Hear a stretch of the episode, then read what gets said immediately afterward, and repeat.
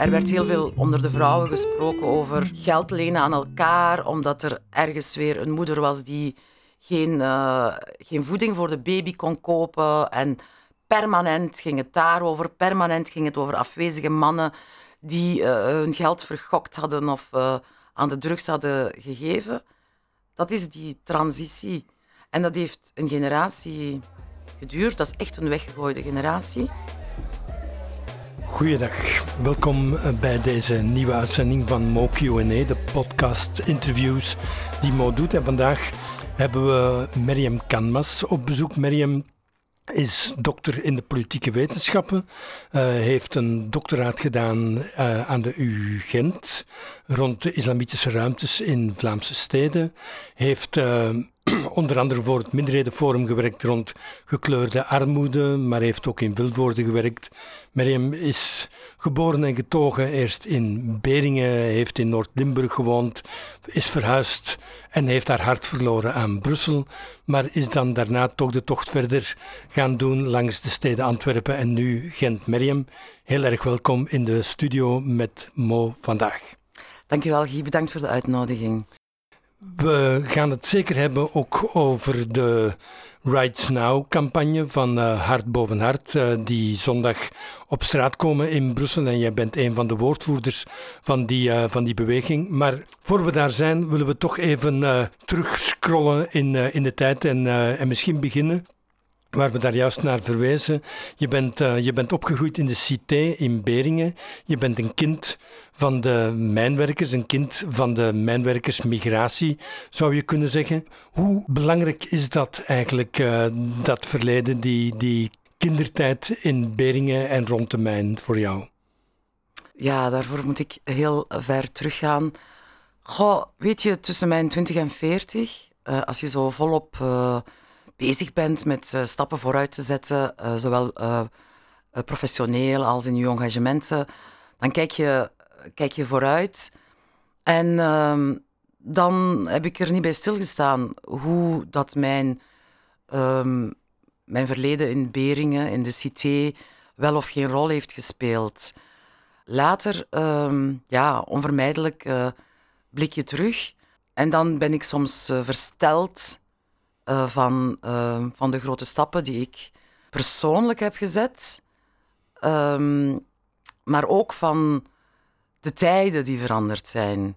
Hoe dat um, gesproken werd over samenleven, multiculturalisme, uh, diversiteit vandaag, of veel meer de problematisering ervan. Als ik dat dan vergelijk met mijn kindertijd in, in de cité, dan is er heel veel veranderd in negatieve zin. In die tijd was de slogan in de mijnen: in de ondergrond is iedereen zwart. Uh, er was onderin de mijnen was er geen verschil tussen Turken, Marokkanen of, uh, of Vlaamse mijnwerkers. Maar dat was boven de grond toen toch ook niet altijd het geval. Er waren best ook wel verschillen en spanningen, toch? Nu, uh, die uitspraak van in de mijnen was iedereen zwart, dat is een uitspraak van de volwassenen natuurlijk. Ik was kind uh, in de jaren zeventig. Ik ben daar geboren. Mijn moeder was zwanger van mij toen ze de tocht naar Europa ondernam. Um, ze was twee maanden zwanger. Ze onthoudt daarmee ook dat ze, hoeveel jaar dat ze in België is, door gewoon te vragen hoe oud ik ben. Um, maar wij als kinderen, wij vertoefden allemaal in hetzelfde schuitje. Dus die, die verschillen en ongelijkheid natuurlijk met, um, met mensen die niet uh, kinderen waren van uh, mijnwerkers, die zagen we niet. Wij hadden daar geen contact mee. In de cité woonden alleen maar kinderen van mijnwerkers. Die gezinnen woonden daar. Dus iedereen die wij kenden, um, die had een vader in de mijn en een moeder uh, die huisvrouw was en voor die grote gezinnen zorgde. En dat was in alle families zo zowel de Turkse, uh, waar ik uit kom, als uh, Marokkaanse, maar Italiaanse vooral. Want als je Beringen-Mijn zegt, dan is het vooral Turks en Italiaans. Uh, maar ook Algerijnen, Grieken. Um, en ook die paar Vlaamse families die daar nog woonden. Um, die hadden eigenlijk allemaal hetzelfde profiel. Ja. Grote gezinnen met moeders aan de haard uh, of die zich met de kinderen bezighielden. En vaders die uh, soms bijna niet zag, met die shiften ook. We hadden bij de kinderen zelfs een regeling dat uh, wij kenden de shiften van de vaders. En we wisten ook wanneer, in welke tuin dat we konden spelen. Want als de vader overdag sliep, dan moesten we in een andere tuin gaan spelen. En wij hoorden ook de mijn. Er was een soort sirene bij de wissel van de shiften. En dan wisten, wisten wij van, ah, hij kom, ze komen nu naar boven of uh, nu dalen ze af. dus ja, we waren, dat was, ja, ons leven draaide rond de mijn klinkt bijna romantisch, maar in zekere zin waren de, de banen in de mijn, zeker in de jaren 60 en 70, waren behoorlijk goede banen. Er waren betrekkelijk goed uh, betaald, goed uh, sociale bescherming rond. En in die zin is het verhaal van, uh, van de mijnen in, in Limburg is een interessant verhaal, denk ik. Ook om te bekijken in, in het perspectief van de huidige klimaatdiscussie. Want de mijnen zijn dichtgegaan. Dat had natuurlijk niks met klimaat te maken. Dat had alles te maken met de leefbaarheid of met economische wetten die opgelegd werden aan, aan de mijnen. Maar vandaag is er opnieuw sprake over het sluiten van, uh, van hele industrieën, met name de resterende mijnbouw, uh, of zeker de koolmijnen. Is er iets wat dat jij zo meteen ziet dat de huidige transitiebeweging moet leren uit de hele periode van de sluiting van de mijnen in Limburg en, en de lange gevolgen die dat toch gehad heeft voor de regio, voor de mensen die daar woonden? Dan zou ik zeggen, um, geen uh, stap tot transitie zonder alternatief. Zonder perspectief uh, uh, tot alternatief. Daar moet, die oefening moet op voorhand gedaan worden. Anders is het niet mogelijk. Anders verlies je opnieuw een generatie. Want zo lang werkt dat door, minstens. Um, ik herinner mij die sluiting heel goed. Ik was toen puber. Um, trouwens, heel opvallend hoe dat um, mijn kindertijd in die uh, zonnige periode van Limburg was, van Beringen. En mijn puberteit en adolescentie, wat dat voor mij sowieso moeilijk was als een Turks meisje in een toch wel hechte conservatieve gemeenschap, die dan ook nog eens een atypisch parcours wou uh, bewandelen. Uh, maar dat ook nog eens gepaard ging met die sluiting van die mijn. In 1989 was ik 18 Um, toen ik 16 was, waren er al andere sluitingen in Winterslag en, en verder. Want Beringenmijn is als laatste gesloten. Hoe ik ermee geconfronteerd ben met die mijnsluiting, is dat plots al mijn vrienden, al de jongens van de wijk, uh, broers, neven, die hadden plots geen perspectief meer. Want wat deed een jongen um, toen? jongens waar wij mee buiten hadden gespeeld, soms verliefd op waren geworden, um, die gingen naar het TKB. Dat was het Technisch, Technisch Instituut voor Kempensbekken. In de volksmond de mijnschool. Hmm. Maar ja, die mijnschool was er niet meer, want er was geen mijnweer. En uh, die jongens, die zijn beginnen te zwalpen. Ik, wij hadden een grapje, zelfs van als er een combi van de politie voorbij kwam, dat we wedden hoeveel mensen die erin zaten we zouden kennen. We kenden die altijd. Dat waren mensen waar we mee waren opgegroeid. En eh, nog pijnlijker is uh, hoe dat uh, drugs in ons leven kwam. Terwijl als ik uh, 14, 15 was, dan was drugs nog ver. Niet zo ver, maar dan was het in Genk en zo. Dat was de cité, dat was... En dan zie je bijna parallel met de sluiting tegen dat ik dan 18 was, dat die draaischijf van de drugshandel in Beringen Cité was, in de straten waar wij liepen. Elke familie, elke Turkse familie die ik het beste ken dan als gemeenschap, had een gebruiker, ik spreek over harddrugs, of een dealer in de familie. En meestal de twee. Het is pijnlijk hoe dat... Uh, ik heb jonge gezinnen... Ik was zelf nog te jong om het helemaal te begrijpen, maar Um, er werd heel veel onder de vrouwen gesproken over geld lenen aan elkaar, omdat er ergens weer een moeder was die geen, uh, geen voeding voor de baby kon kopen. En permanent ging het daarover, permanent ging het over afwezige mannen die uh, hun geld vergokt hadden of uh, aan de drugs hadden gegeven. Dat is die transitie. En dat heeft een generatie geduurd. Dat is echt een weggegooide generatie. En wat ik mij afvraag, want ja, ik ben dan weggegaan uit uh, Beringen. Wat ik mij afvraag is, um, welke, die hebben allemaal kinderen gekregen wel. Uh, en welke visie en welke verhalen hebben zij meegegeven? Allee, dat blijft bij mij wel een vraagteken en maakt mij wel somber. Het, het hele thema van, uh, dat ons samenvatten als gekleurde armoede, is een thema waar je de jongste jaren ook veel rond gewerkt hebt. En waar eigenlijk in media of in het publieke debat heel weinig aandacht voor is. Er is uh, veel aandacht voor diversiteit, Enfin, toch soms uh, aandacht voor diversiteit. Er is uh, soms aandacht voor ongelijkheid. Maar de specifieke vormen van uitsluiting en ongelijkheid en armoede uh, bij gezinnen, bij mensen met een migratieachtergrond, daar wordt eigenlijk heel weinig over gesproken. Hoe groot is dat probleem en waarom praten we daar zo weinig over? Goh, ik moet dan eigenlijk ook een beetje mea culpa slaan. Want twintig jaar van mijn professioneel leven heb ik uh, gestoken in de studie van, um, van niet de materiële omstandigheden van de minderheden, maar hun uh, culturele en religieuze uh, omstandigheden. ik heb onderzoek gedaan naar de moskeeën. Ik heb gekeken hoe dat taal en religie een rol speelt in emancipatie van, van moslimminderheden. Um, ik was ook veel meer bezig met, het, uh, met identiteit, met uh, diversiteit. Goh, in die zin zijn wij uh, kinderen van onze tijd.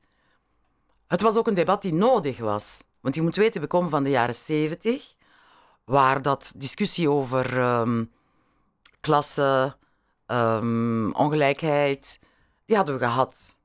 Wij, daar hadden we een vocabulaire rond. Waar we geen vocabulaire rond hadden, was juist over die diversiteit en identiteit en hoe dat je juist die verschillende elementen meeneemt in de strijd. Dus ja, wij hebben, uh, ik ook, maar heel veel andere uh, migranten, tweede, tweede generatie migranten, die dan toch uh, de kans hebben gekregen om hogere studies aan te vatten of een rol te spelen in het publiek debat, hebben noodgedwongen zich eerst moeten uitspreken over dat uh, religieuze, culturele, identitaire. En ik denk dat we nu pas zover zijn um, dat we de woordenschat hebben om de verschillende elementen van het debat uh, de juiste plaats te kunnen geven. En dat is verschil, recht op verschil en de socio-economische positie. Dus het is onvermijdelijk, die twee elementen moeten deel uitmaken van het debat. Ja. Dus ik heb dat ook gedaan. Ik heb uh, um, rond religie en cultuur gewerkt. En uh, ik ben daarmee gestopt voor een stuk omdat er geen plaats was aan de academie om verder onderzoek te doen. Um, en dan ben ik gerold, zal ik maar zeggen, naar armoede bij minderheden. Natuurlijk is dat niet zomaar rollen. Hè. Um, die, die kant van, die kant van het, het debat uh, die economische kant, de socio-economische kant, was iets waar ik altijd mee bezig was, uh, persoonlijk dan. En ja, nu kon ik dat uh, verzilveren. En ik heb inderdaad bij het Minderhedenforum rond verschillende projecten gewerkt rond armoede. En er was inderdaad absoluut geen aandacht voor, voor armoede bij mensen met een migratieachtergrond. Het is pas met een onderzoek van de Koning Boudewijn Stichting in 2007, 2008 um, dat er cijfers zijn naar boven gekomen waarbij dat men sprak over uh, 60 tot 60 procent bij Turken en Marokkanen. Want het eerste onderzoek dat gedaan werd, was bij die twee groepen. En je moet weten dat het gemiddelde voor België is 15 procent en voor Vlaanderen ongeveer 10 procent. Uh, dus dat was shocking, shocking voor iedereen. Zowel voor uh, beleid als de onderzoekers zelf, als uh, de middenveld. En ook de armoedeorganisaties. En dat was nog in de tijd van uh, minister Liete, uh, die toen uh, minister was voor armoedebestrijding. En toen zijn er wel wat initiatieven gestart om, eh, om daar meer rond te gaan werken. We zijn nu tien jaar later, met een andere politieke constellatie. Um, En we merken dat er nog altijd wrijving is en ja, een beetje vrees om, om dat te benoemen, om daar echt rond te gaan werken. Het blijft moeilijk. Ja, je hebt uh, in dat verband ook gewerkt met de mensen zelf. Dus niet alleen een soort academisch onderzoek gedaan, maar gewerkt van onderuit. Uh, wat zijn de, de voorstellen, de lessen die, uh, die mensen in die gekleurde armoede aan de samenleving te geven hebben om iets te doen aan dat probleem? Opmerkelijk was um, dat de mensen met een migratieachtergrond in een armoedesituatie hun armoedesituatie wijten aan discriminatie.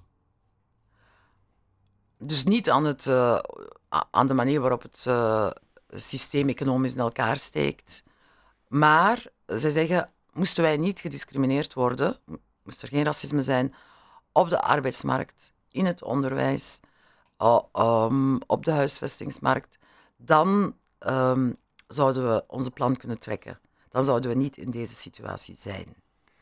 Maar hoe doe je dan, of hoe doe je iets aan dat racisme dat zich uit in al die diverse vormen van discriminatie?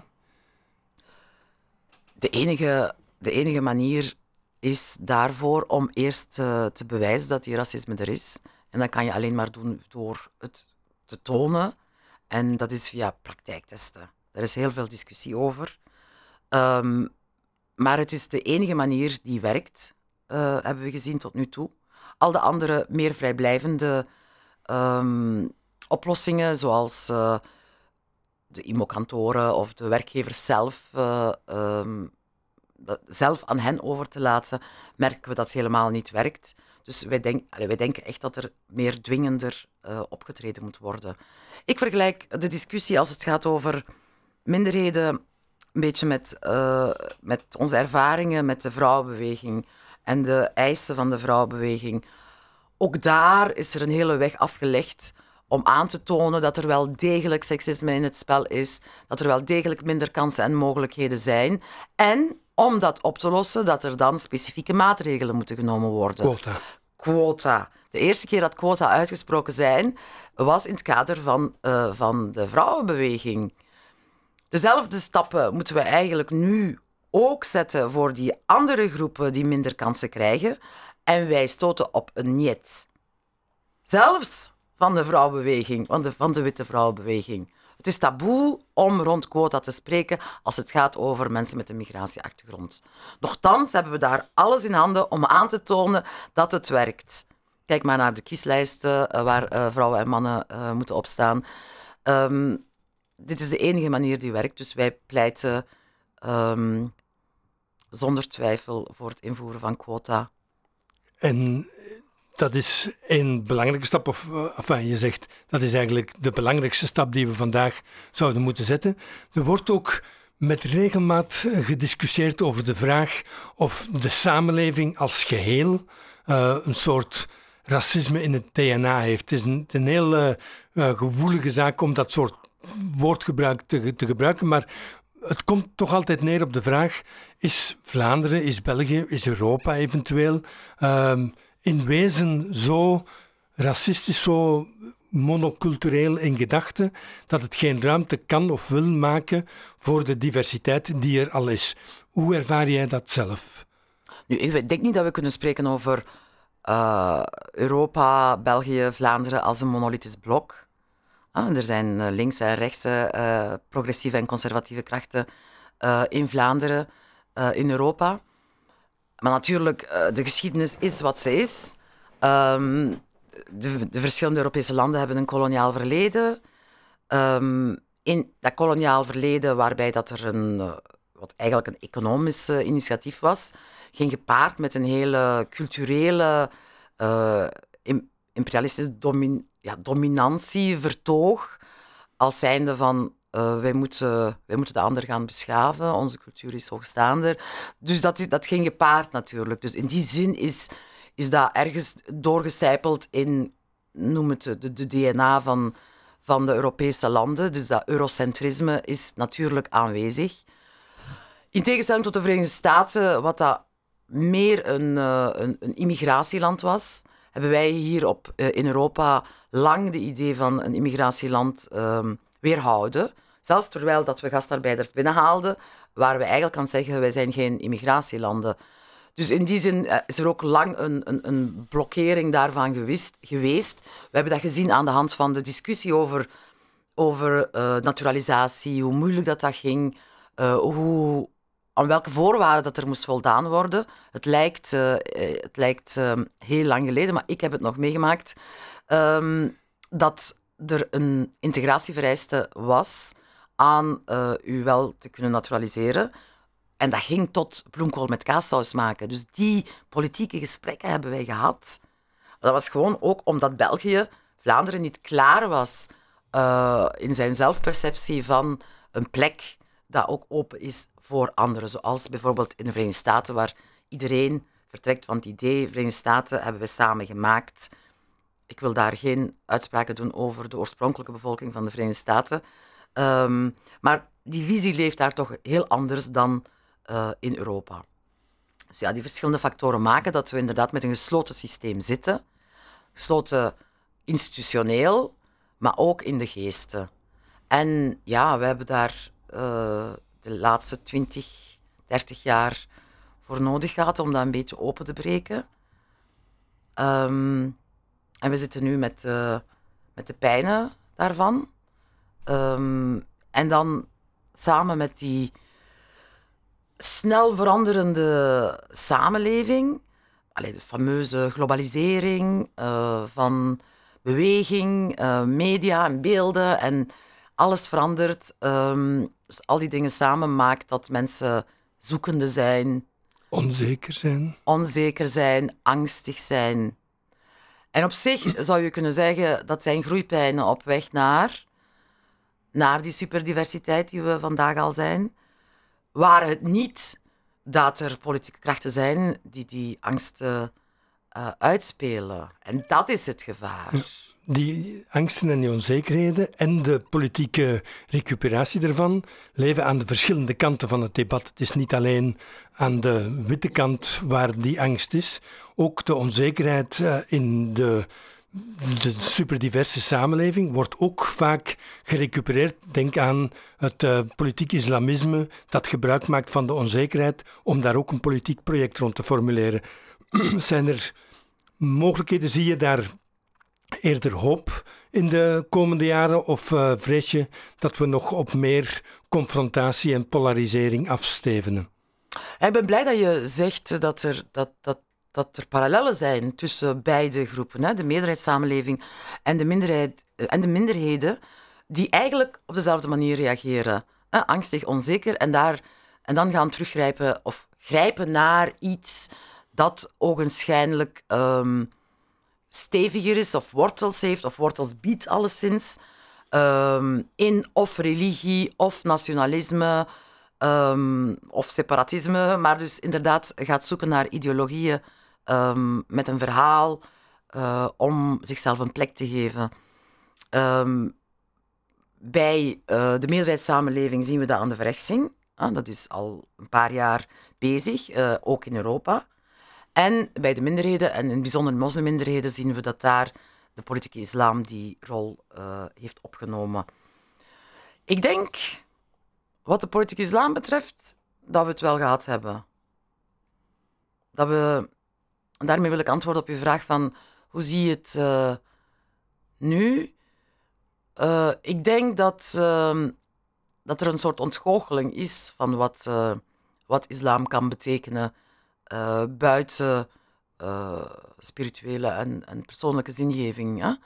Um, het heeft een beetje gefaald. Ik heb het dan niet alleen over de IS-staat, um, maar een beetje alle, alle projecten die zich aan islam hebben, islam hebben gebruikt om een staatsproject of een politiek project uit te denken, zijn nu niet in de winning, uh, um, ook niet in de Arabische wereld of in Turkije, waar Erdogan bijvoorbeeld nu met de laatste verkiezingen um, ja, het onderspit heeft moeten delven. Met een media van bijna 99% in zijn handen heeft hij, heeft hij nog de verkiezingen niet gewonnen. Integendeel, hij heeft de steden zelfs verloren.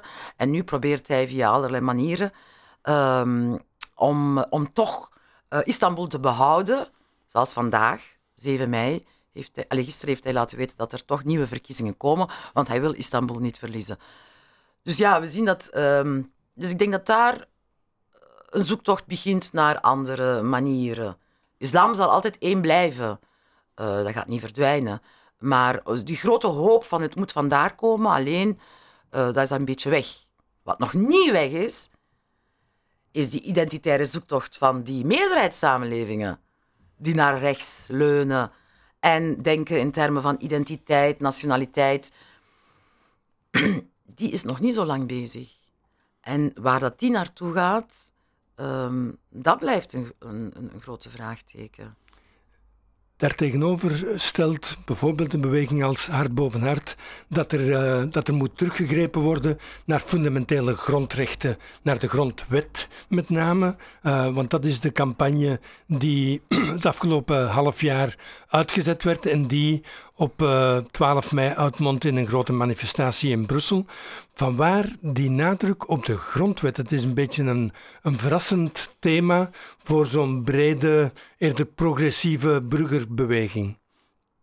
Wel, net dat, omdat het een brede, progressieve burgerbeweging is, ontstaan vanuit uh, bezorgde burgers die, uh, die de verrechtsing in de samenleving en ook ehm, de teruggang van onze verworven sociale rechten, um, daar iets zouden tegen doen. En dan moesten wij naar iets fundamenteel gaan. Niet dat iets dat eigen was aan een bepaalde zuil of een bepaalde traditie. Uh, wij moesten verbindend gaan werken. Van in het begin wisten we dat we verbindend moesten gaan werken. Alleen was het een zoektocht om op die artikel 23 uit te komen, die in onze eigen Belgische grondwet staat en een menswaardig leven garandeert. En daar vonden wij juist verschillende elementen in die mensen kan samenbrengen. En niet alleen mensen samenbrengen, maar ook strijden kan samenbrengen. Op welke manier bedoel je dat laatste? Mensen die zich inzetten voor, een betere, uh, voor, een, uh, voor het klimaat, voor een betere leefomgeving. Mensen die zich inzetten voor de sociale strijd, voor gelijke rechten en tegen ongelijkheid. Uh, mensen die zich afgelopen twintig jaar hebben ingezet voor uh, allerlei minderheidsgroepen, um, de antiracistische strijd. Uh, al die groepen konden verenigd worden met artikel 23. Um, ehm, misschien, moet je, misschien moet je voor de luisteraar uh, toch even verduidelijken wat er echt in dat artikel 23 staat. Want de meeste Belgische burgers kennen de grondwet niet echt van buiten natuurlijk. Artikel 23 van de Belgische grondwet garandeert het recht op arbeid, uh, het recht op sociale zekerheid, bescherming van de gezondheid, uh, recht op bescherming van een gezond leefmilieu, dus het klimaat, en het recht op culturele en maatschappelijke ontplooiing. En daar is later bijgekomen het recht op gezinsbijslag. Het is mooi dat, uh, dat dat artikel 23 met die verschillende elementen in de grondwet staat. Maar je vindt dat nauwelijks terug in de politieke praktijk van vandaag. Hoe gaat een beweging als Hart boven Hart daar dan voor zorgen dat dat, dat, dat praktijk wordt? Nu, het is wel aanwezig. Hè? Dus verschillende bewegingen uh, zijn actief rond die verschillende eisen uh, of rechten, rond leefmilieu, rond arbeid, de vakbonden. Um, er zijn verschillende bewegingen rond actief al, decennia lang.